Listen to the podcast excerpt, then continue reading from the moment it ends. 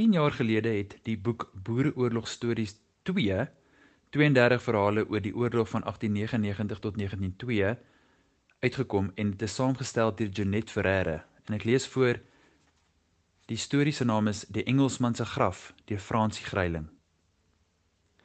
Sy het net op 'n dag daar aangekom, die Engelse vrou. Leni het die kapkar gemerk toe dit nog net 'n beduidenis in die stofpad was. Wie sou dit wees? Op die bloedigste van die dag. Lodewyk Olofse het sy hom later deur die opgeefsels geëien met iemand by hom. Twee spogperde voor die kar. Die stories dat die kakies vir hom gesorg het, wou maar net nie gaan lê nie, maar sy Leni was moeg van beklei. Te moeg om nou maande na die vredesluiting steeds die oorlog oor te veg. Tog kon sy haarself nie so ver kry om te groet nie. "Dag Leni. Wat bring jou hier?" Dit was 'n vrou tussen die groot trommels, deftig, swart tabberd, handskoene, hoed. Wanneer het sy laas sulke steweltjies gesien? Uh dit is mos hier waar die Engelsman gesneuwel het. Leni het die rande toe gekyk. Of eerder, Leni het rande toe gekyk.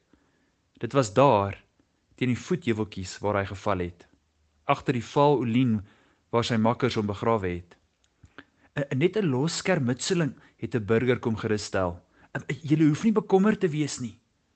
Twee dae later is Leni hulle weggevoer kamp toe. Leni Dis hier ja, Lodewyk.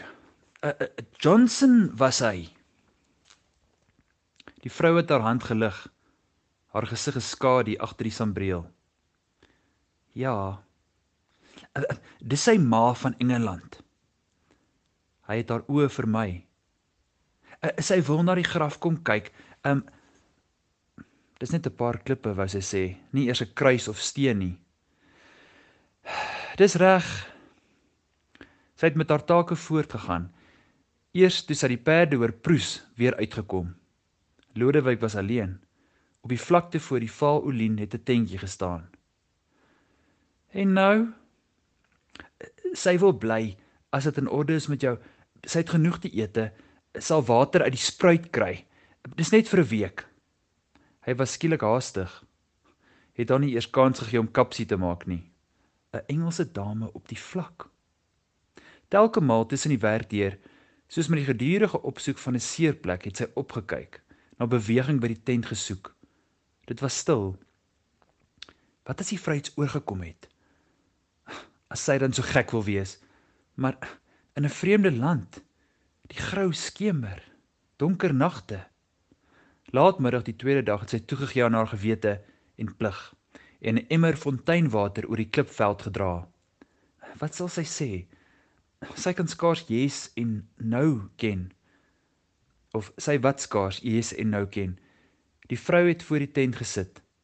Langs haar was 'n trommel gedek asof vir 'n feesmaal. Wit linne, silwer, porselein, Sy het 'n glas in die hand gehad.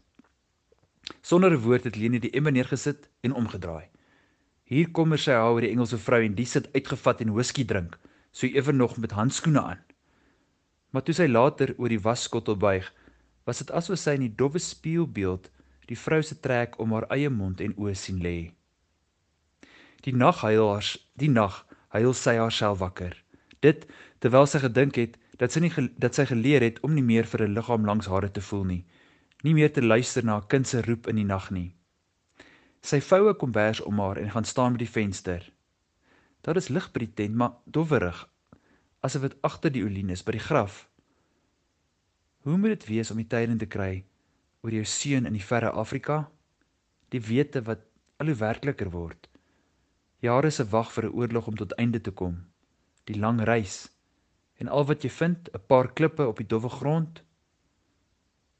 Twee het Leni weggebere in die turf langs die kampdraad.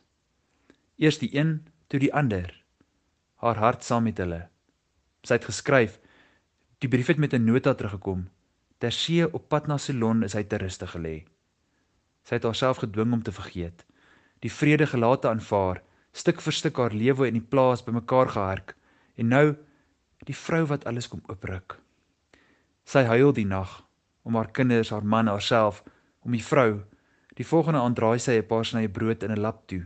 Die vrou vou dit op die porseleinbord oop. Ook die nag kyk Leni na die lig. En die nagte daarna.